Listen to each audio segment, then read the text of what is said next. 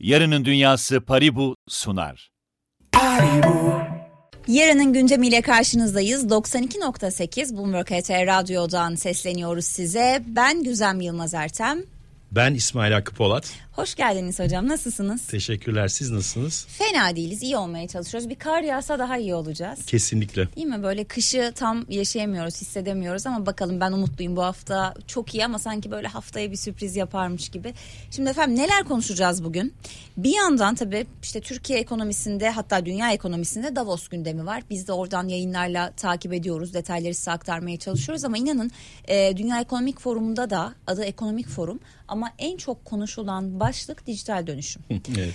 Dolayısıyla biz de biraz buna hizmet edelim istedik. Aslında Davos'a e, liderlerin e, bu bahsettiği vizyona da Türkiye'deki şirketler ne kadar eşlik edebilecek? Sadece e, kripto ekosistemi ya da blockchain tarafı değil genel olarak dijital dönüşüm içerisindeki yeni terimler bunları konuşacağız İsmail Hoca ile beraber. E, merkeziyetsiz geleceği konuşacağız. Ne zaman olacağından ziyade benim daha çok merak ettiğim kısmı nasıl olacağı. Tüm soruları kendisine ileteceğim ama e, sadece benim sorularım değil sizin sorularınıza da ihtiyacımız var. Ne kadar interaktif olursa o kadar seviniriz. O yüzden sosyal mecralardan e, siz de sorularınızı İsmail Hakkı Polat'a iletebilirsiniz. Twitter'dan, YouTube'dan yine e, diğer mecralardan. Şimdi öncelikle kripto paralar ve blok zincir diyoruz ama e, Türkiye bu aslında kavramları ben kolay yoldan nasıl para kazanırımın cevabını ararken buldu. Maalesef. Şöyle geriye dönüp 3-4 sene önceye geldiğimizde ama şu an geldiğimiz noktada e, amacı bu olan yatırımcılar bile amacı bu olan ya da şirketler bile ben bu dijital e, dönüşümün içerisine ben bu teknolojiye nasıl ayak uydururum diye bakıyor. Çünkü şunu fark ettiler. Tek başına bu bir yatırım aracı ya da kısa yoldan para kazanma aracı değil. E, aslında teknoloji amaç bu da araç. Amacın ne olduğunu unuttuk biz bir süre. Şimdi sanki tekrar hatırlamaya başlıyoruz. Neler söylersiniz?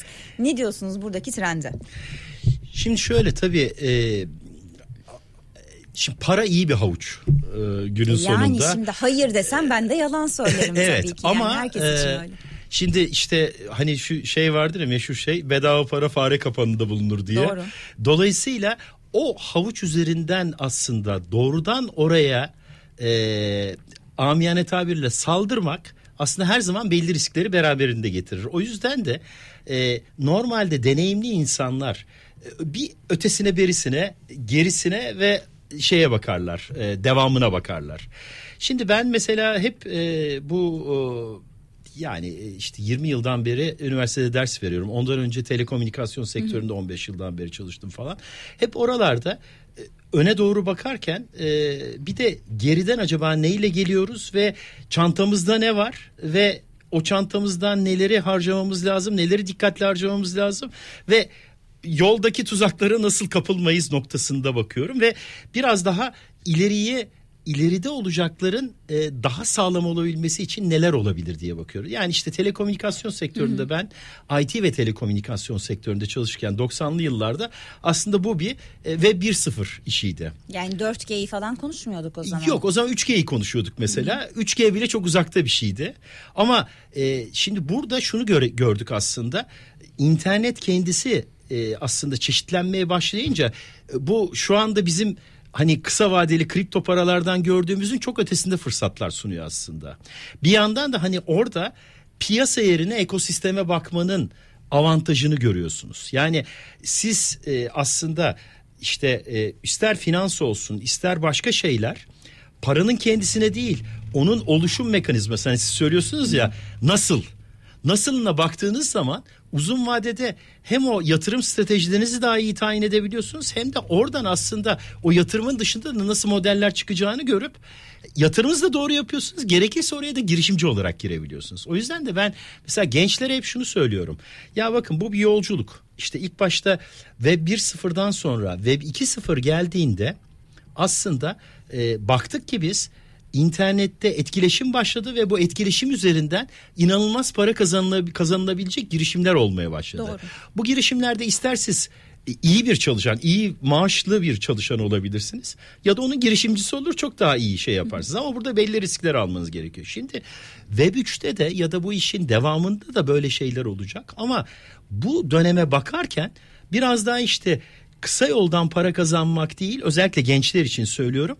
Biraz daha işin temelini öğrenerek o temel üzerinden hani belli bir piyasa üzerinden e, fiyat hareketi değil de asıl onun altında yatan temel dinamikleri, iş dinamiklerini, ticari dinamiklerini anlayarak aslında çok daha uzun vadeli, çok daha sağlam yatırım stratejisine de sirayet edebilecek bir donanımla gidebilirsiniz. Zaten e, bu dönemin bence hani şu anda bütün işte kripto piyasaları da geleneksel piyasalar da genel olarak bir şey içinde aşağıya doğru giden bir trend Kesinlikle. içinde.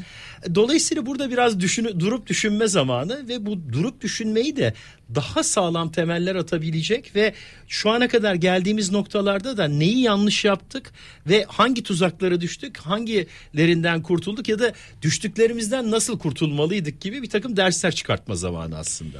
Şimdi blockchain'i biraz daha konuşmak istiyorum. Ee, blockchain Analytics. Şimdi Evet. blockchain analytics dediğimiz blok zincirin analitiği. Şimdi analitik kelimesi benim ilk hayatıma e, lise sonda girdi.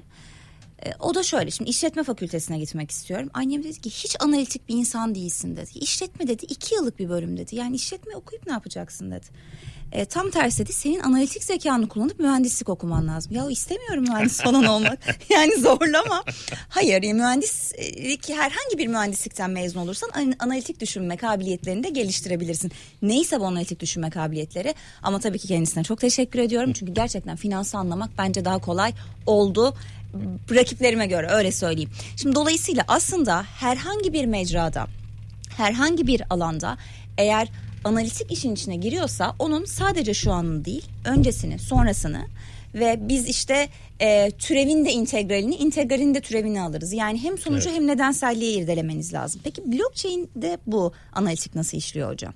Şimdi şöyle aslında e, işte içinde e, yavaş yavaş girmeye başladığımız bu Web3 dünyasının da temel dinamiklerinden bir tanesi e, bu ağ üzerindeki verinin çeşitli tekeller üzerinden saklandığı değil tam tersine e, belli mahrem alanların işte kişilerin özlük bilgileri gibi kapatılarak kalan demografinin olduğu gibi açıldığı bir alan aslında.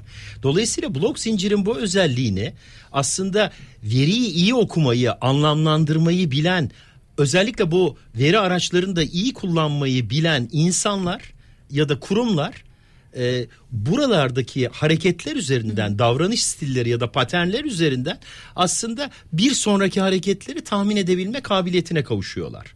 Dolayısıyla blockchain analytics dediğimiz şey de aslında bu veri analitiğinin Web3 tarafındaki okuma, anlamlandırma ve bazen de görselleştirme ve buradan içgörü üretme ve strateji üretme aslında sistematiği. Dolayısıyla blockchain analytics dediğimiz şey şu anda hani kimi şeylerde e, özellikle finansta on chain yani zincir üstü veri okumak olarak e, şey yapılıyor, tanımlanıyor.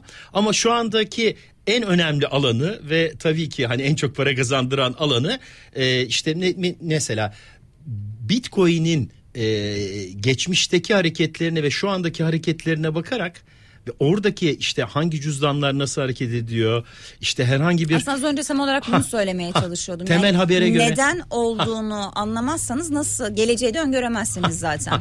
işte orada nedensellik içinden aslında nasılın olabileceğini öngörebildiğiniz aslında e, kalıplar, paternler oluşturuyorsunuz ve bunlar üzerinden de ürettiğiniz içgörülerle bir sonraki adımın ne olacağını tahmin ederek kendi kararınızı alıyorsunuz, yatırım kararınızı alıyorsunuz. Türkiye'de aslında e, teknolojiyi sadece üreten değil iyi kullanan şirketler de bilmiyorum yanılıyor muyum ama veri işleme konusunda hiç fena değiller. Ya mesela fintech teknolojileri değil mi yani rakibimiz yok mesela hele ki finans teknolojilerinde. Yani hala Avrupa'daki Amerika'daki bankalar bu sisteme bir türlü adapte olamadı. Bizim internet bankacılığı gerçekten mobil bankacılık çok gelişmiş. Ya da e-ticaret sitelerine baktığınızda işte ben e, X bir global e-ticaret sitesine girdiğimde bir de Türkiye'deki e-ticaret sitesine girdiğimde bizim e-ticaret sitesinin beni daha iyi tanıdığını görüyorum. Yani sanki böyle TC kimliğim, annemin babamın adı, okuduğum okul her şey var onlarda ve şu ürünü al diyor bana ve gerçekten o ürün ihtiyacım olan ürün ki her ikisi de aynı süre vakit geçiriyorum. Dolayısıyla benim içeride bıraktığım izi çok iyi takip ediyor. O yüzden bu tarafı biraz konuşalım. Veriyi işleme, veriyi analiz etme, bunu her alana uygulayabilir miyiz? Yani blockchain analytics'i de mesela eğitim sistemin içerisine, üniversitelere entegre edebilir miyiz sizce?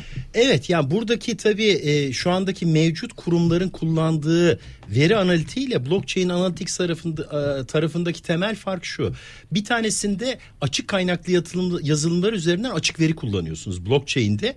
Diğerinde ise şirketlerin e, kendi kullanıcılarından kullanarak Doğru. ki bazen onların mahremiyetlerini de ihlal Doğru. ederek aldığı verileri e, yine kendi uktelerinde başkalarına göstermeden kullanması şeklinde oluyor. Bu biraz verinin tabii açıklaşmasını ya da kamusallaşmasını, sosyalleşmesini engelliyor. Bunu aslında bir silah haline getiriyor. Bu bu biraz işte özellikle tehlikeli çok büyük şirketlerde bunu? tehlikeli buluyorum bunu. Hı-hı. Çünkü yapay zeka ile birleştiği noktada çok daha büyük tehlikeleri hatta yıkıcı tehlikeleri olabilecek e, sonuçları da var bunun. Ama e, yani zaten işte Web 2.0 ile 3.0 arasındaki önemli ayrımlar bunlar. Ama e, mesela sadece Bitcoin'in fiyatını tahmin etmek için değil aynı zamanda e, mesela herhangi bir blok zincir üzerinde e, işte ne bileyim oradaki demografiyle mesela şunları görebilirsiniz. E, işte bir şeyde şu anda işte aşağı yukarı e, tahmin edilen son rakamlara göre Bitcoin cüzdanlarının sayısı 100 milyon no aştı hatta 200 milyona geldiğini söyleyen araştırmalar da var. Burada mesela kimler nasıl alış e, yapıyorlar, ne zaman alıyorlar, ne zaman bekliyorlar, e, işte e, hangi coğrafyalarda alınıyor bakın mesela şu anda bu blockchain analytics üzerinden e, çalışan şirketler var bunlar e, belli kara para aklayan cüzdanların peşine düşerek aslında orada bir takım e, şeyleri e, usulsüz ya da kayıt dışılıkları tespit ederek uluslararası operasyonlar yapıyorlar. Çünkü blok zincirin kendisi çok şeffaf olduğu için mesela böyle bir çocuk istismarı çetesi 3 e, sene önce sanırım 2 ya da 3 sene önce bu sayede e, kripto paralardaki blok zincir hareketleri izlenerek 5 ülkede yapılan operasyonla çökertildi. Ne zaman?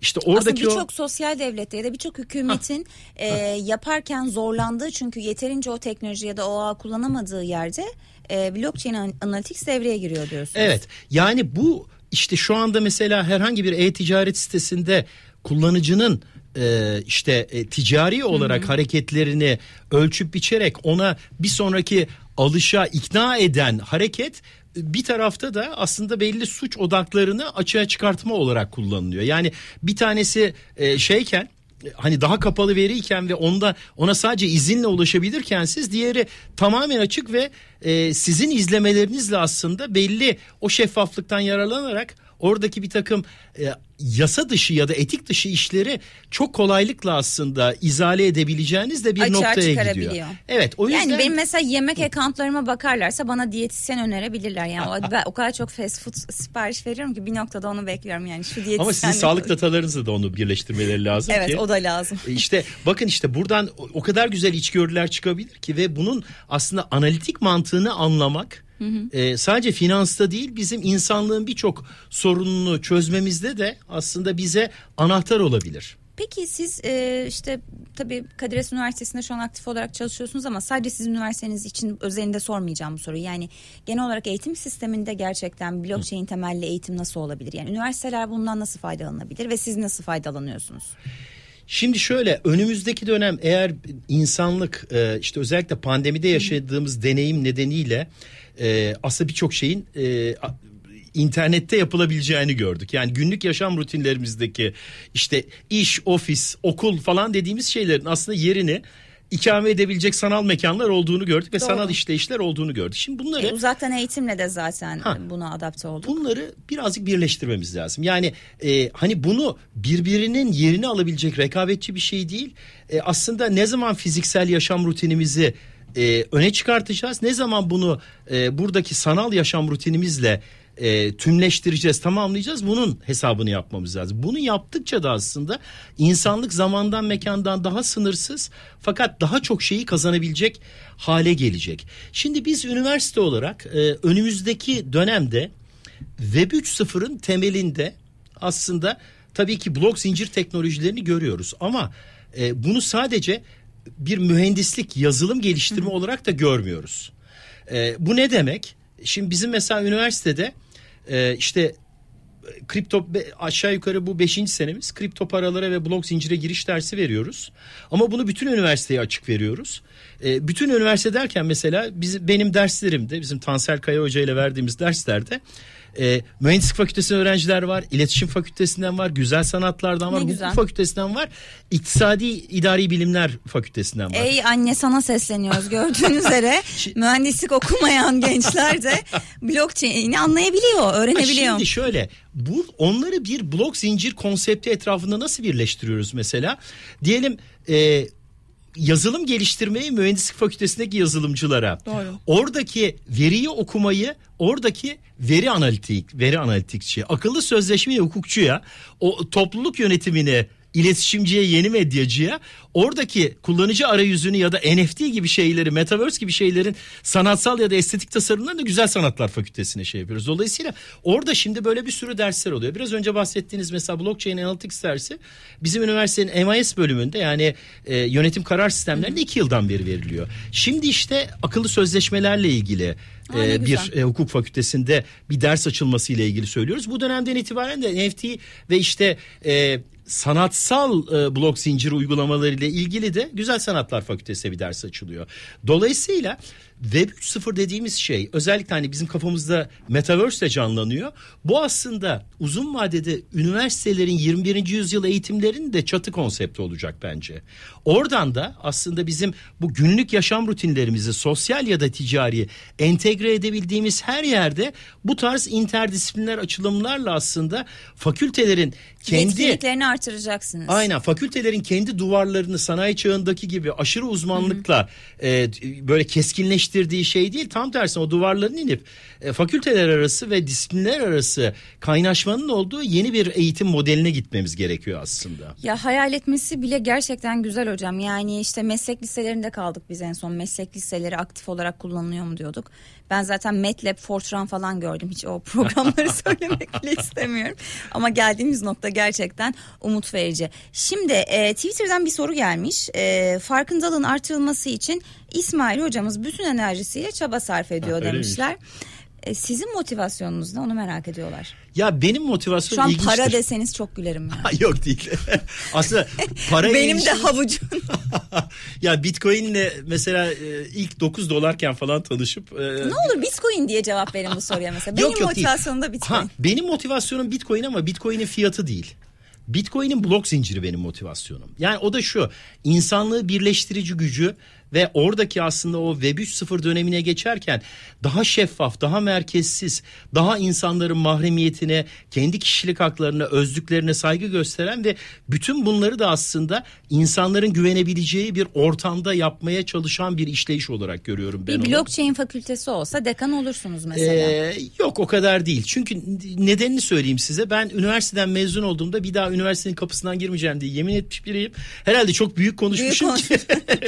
20 yıldan beri hocalık yapıyorum. O, yüzden de e, hani şuna bakmak lazım. Evet para değil motivasyon ama e, şunu da söylemek lazım. E, işte gençleri biraz daha bu piyasa değil e, hani ekosistem demekteki kastım bu. Zaten sizin amacınız pa- para sizin amacınız değil aracınız olursa daha fazla kazanırsınız. Hiç şey değil yani hani bu şey gibi ben kendime hep şey olarak bakıyorum.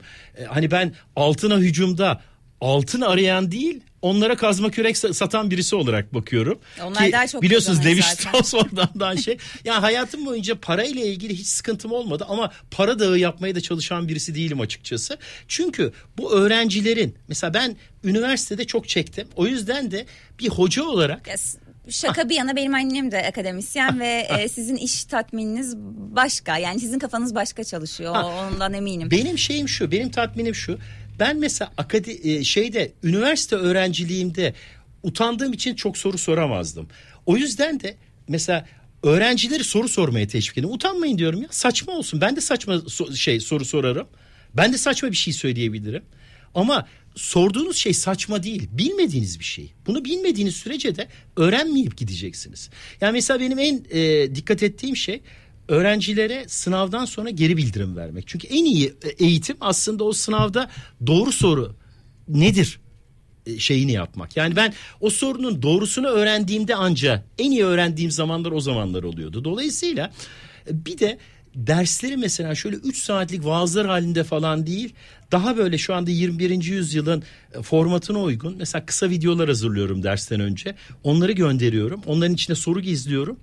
Ondan sonra çok kısa geçiyor bizim derslerimiz mesela. Niye kısa geçiyor? Çünkü öğrenciler zaten çalışmış oluyor. Soru sorarlarsa e, şey yapıyorlar ya da işte sizin gibi konukları çağırıyoruz. O, o zaten çalışılmış bir konu üzerinden bu sefer uygulama vaka çalışıyoruz. Daha iyi oluyor onlar. Ya biraz oyunlaştırma falan da biliyoruz işte sağ olsunlar bizim e, Altu hocamız var. Oyunlaştırmada da onun kitabını okuyoruz. Altu Ercan Yılmaz. E, onun da e, sayesinde e, yani böyle 21. yüzyılda gençlerin hoşuna gidebilecek şekilde yapmaya çalışıyoruz. Umarım başarılı oluyoruzdur. Harika bir dersi iyi ki almışım diyor galiba öğrenciniz. Öyle mi? ee, gerçekten namiyane tabiriyle hani old school e, alışkanlıklarını yıkıyor olmanız çok mutluluk verici. Ee, çok da mütevazisiniz hocam o yüzden de çok teşekkür ediyoruz. Böyle e, en önemli şeyleri önemsiz bir şey yapıyormuş gibi anlatıyorsunuz. Çok zarifsiniz. Devam edelim. Ee, disruptive thinking. Şimdi yıkıcı düşünme. Nedir bu yıkıcı düşünme ve biz bunu bu ekosistem içerisinde nasıl anlamlandıracağız? Şimdi şöyle e, bu e, dersi e, aslında açtığım zaman bir tweet atmıştım şey dedim hani hocalığımın artık emek sonbaharında bir çılgınlık yaptım ve hani bu işi çok daha şeye çıkartabilecek yükseğe çıkartabilecek böyle bir şeyin meydan okumanın içine girdim. Bilmiyorum bunun altından kalkabilecek miyim? Bu dönem ilk e, şeyi yaptık aslında. İlk e, dönemi geçtik sonbahar döneminde. Bu, bu bunu şunun için yaptım. Şimdi ee, özellikle bu blockchain, kripto paralar, NFT, metaverse dediğimiz şeyler e, işte hepimizin gördüğü gibi hı hı. aslında bize çok aykırı gibi gelen bazen boş gibi gelen şeyler oluyor. Ve burada aslında yine gördüğümüz gibi işte köpükleşen, buradan yararlanıp da işte insanları dolandıran da bir sürü şey oluyor ve onların verdiği kötü imajlar var. Ama e, işin özündeki aslında o dönüşümcü ve bu gençliğin sürüklediği süreci değiştirmiyor bu. Şimdi bu süreci biz e, özellikle benim yaşımdaki insanlar olarak ne kadar iyi anlayabilirsek bu süreç o kadar sağlıklı oluyor. Ama şimdi Web 2 bakın şimdi internetin ilk zamanından beri Web 1.0 2.0 falan bunlar hep evrimsel çizgide gitti. Belli bir doğru ve işte nedir? İşte mesela şu anda e, biz medyayı e, internete taşıdık Doğru. Şeylerde de analogta da yayın yapılıyor, dijitalde de yayın yapılıyor. Ama bunun Hatta, dışında da bir sürü şey tabii var. Tabii yani YouTube neredeyse sollayacak ha, geleneksel ha, medyayı. Sadece buradan doğanlar var. Fakat Web 2.0'da da çok ciddi bir tekelleşme ve bu tekelleşmenin yarattığı sorunlar olmaya başladı. Mahremiyet ihlalleri, işte şeffaflık hmm. eksikliği ve buradaki işte ticari ya da siyasi gözetimler falan aslında burada e, bireylerin gözünde hep bir sorun olarak çıkmaya aslında başladı. Aslında Web 2 olmasa Web 3 olamazdı ama Web 2'nin de eksikleri süreçlerin tamamlanması lazım. Ha, aynen öyle. Şu anda biraz durup pandemiden aldığımız deneyimle de bu günlük yaşamlarımıza eğer interneti daha fazla sokacaksak şu anda geldiğimiz bu süper merkezileşme, tekelleşme sorunları üzerinden de yeni bir anlayışla bunu yapmamız lazım. Ben bu disruptive thinking yani dönüşümcü düşünce ya da yıkım, yıkımcı düşünce dersinde aslında şu ana kadar yaptıklarımızı yıkıp yerine yepyeni bir şey yapmayı e, aslında şey yapıyorum. Onun meydan okumasını yapıyorum. Onu da şöyle hani mesela deprem gibi açıklamak lazım. Deprem tehdidi gibi. O da şu. Normalde işte şu anda İstanbul'da ne tartışılıyor? Kentsel dönüşüm tartışılıyor. Şimdi Web 2.0'dan gittiğimiz nokta binayı güçlendirme. Ama ne yapıyorlar bazıları? Binayı yıkıp yerine yenisini yapıyorlar. Yepyeni tekniklerle, modellerle. Şu anda elimizde bazı yapılar var Web 2.0'da aşırı tekelleşmiş ve artık yıkılıp yerine yenisini yapılması gereken. Ve burada da işte bu gençlerin özellikle zaten şu anda olan çalışan kasları ve onların doğası çerçevesinde Web 3.0'ı bizim kuşakla onlar arasında nasıl sağ salim ve güzel biçimde inşa edebiliriz? Aslında bunun meydan okuması. Derste de şunu yaptırıyorum. Dijitali anlatıyoruz ilk başta. Sonra bir Web 2.0 şirketi kurduruyorum ya da mesela kurulmuş bir şirketi nasıl kurardınız diye bir dijital dönüşüm. Mesela işte bir tekstil firmasını nasıl dijitalleştirirsiniz ve şu andaki mevcut şeye göre dijital pazarlaması, dijital iş süreciyle yaparsınız diye dönemin ilk yarısında bunu yapıyoruz. Sonra da diyoruz ki bu şirketi kapatın yerine bambaşka Web 3'te olabilecek işte işte bunların yerine yeni teknolojileri, yeni araçları ve yeni düşünce sistematiğini e, kullandığınız ve bu Web 2.0'daki şirketi rekabet olarak alt edebilecek bir şirket kurun diyoruz. Dolayısıyla finalde böyle noktalıyoruz. Bunun için de akıllı sermaye şart. Bazıları Ha. bu tabiri sevmiyor ama gerçekten yani sermaye her şey değil. O sermayeyi nerede, ne ölçüde, nasıl kullanacağınız da önemli. Yetkin insanla o sermayeyi kullanmak gerekiyor. Kesinlikle. Var mı peki böyle bir sermayemiz? Ya akıllı sermayemiz. İşte şimdi zaten en büyük sıkıntı orada. Yani ben mesela bu ilk dönemdeki e, sonuçlara baktığımda şimdi öğrencilerle birçok vaka paylaştık ama şimdi öğrencilere mesela e, belli kavramları anlattığımızda aslında bu kavramları öğrencilerin kendisi bilmiyor zaten. Yani sermaye o anlamda bir zihinsel sermayeleri de zayıf. E, öte yandan e, hani gördüm ki şu anda belki de buna başlangıç olabilecek bir ön hazırlık yapıp ondan sonra onları şey yapmak lazım. Çünkü bir de onların pratikleri, te- teorileri hiç yok ama pratikleri Web 3'te zaten. Ya öyle donanmışlar. Doğru. Ama Web 2'yi de bilmek zorundalar ki bunu görüp aradaki farkı anlayıp ona göre donansınlar. Donanım var da yazılıma eklemeye çalışıyorsunuz. siz Aynen öyle. Kodlama biraz. metodolojisi, Kodlama metodu, e, mentalite, formasyonu, analitiği eklemeye çalışıyoruz annenizin e, deyimiyle. Dolayısıyla işte bütün bunlarda e, sadece öğrenciler değil, hocalarda da bu interdisipliner eksiklik, eksiklik var. Bende de mesela çok var. Ve ben şimdi bu deneysel çalışmalarla aslında hani neyi nasıl yapabileceğimizi falan da el yordamıyla bulmaya çalışıyorum. Demek ki ben hoca olarak tek başıma yeterli değilim. Daha farklı bölümler, daha farklı disiplinler ve daha farklı hocaların da bu işe katılması lazım diyorum şu anda. E, 92.8 yarının gündeminde İsmail Hakkı Polat'la Kadir Has Üniversitesi öğretim görevlisi beraberiz. Sorularınızı yanıtlamayı sürdürüyoruz. E, şimdi e, devam edelim aslında bol bol konuştuk blockchain tarafını ve Biki'yi ve Bütçü. E, merkeziyetsiz gelecek. Aslında bütün bu konuştuklarımız aslında merkeziyetsiz geleceğe hizmet ediyor. Yani biz araçları konuştuk aslında amaç gün sonunda bu.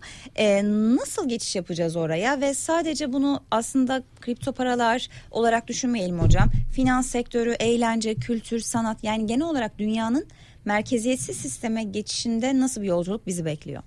Şimdi işte yine bir Web 2.0, Web 3.0 dönüşümüyle ilgili o bağlamdan e, şey yapalım, e, ilerleyelim. Çünkü şu ana şu anda geldiğimiz nokta herkesin çok tekelleştiği, süper merkezileştiği ve kendi tekelleri içinde de kendi kalelerinden ne devletlerin ne başkasının aşmasına izin verdiği e, bir noktadayız aslında Web 2.0 devlerinin e, hareketleri olarak söylüyorum. Bu bazen ülke oluyor bazen şey oluyor şirket oluyor.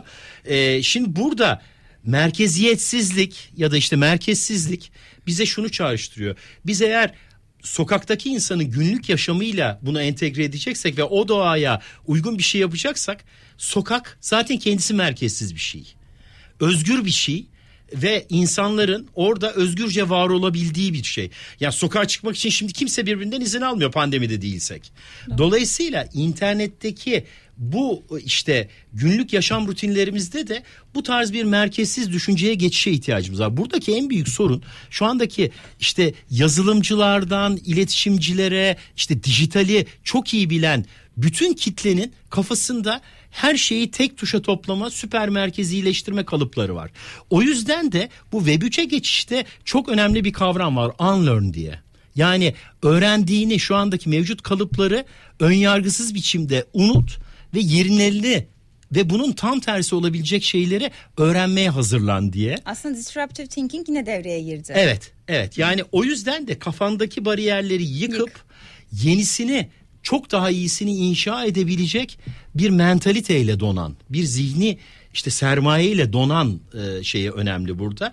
İşte kendine çok güvenen, temeli iyi insanlar kendi yapılarını da yıkıp yerine yenisini yapabiliyorlar. O yüzden de buna geçmek zor ama geçtiğiniz zaman yükseleceğiniz nokta bambaşka bir yer. Bambaşka bir şey. O yüzden Web 3.0'ın bence önümüzdeki dönemdeki en büyük challenge'ı için anahtar değil mi? Aynen öyle.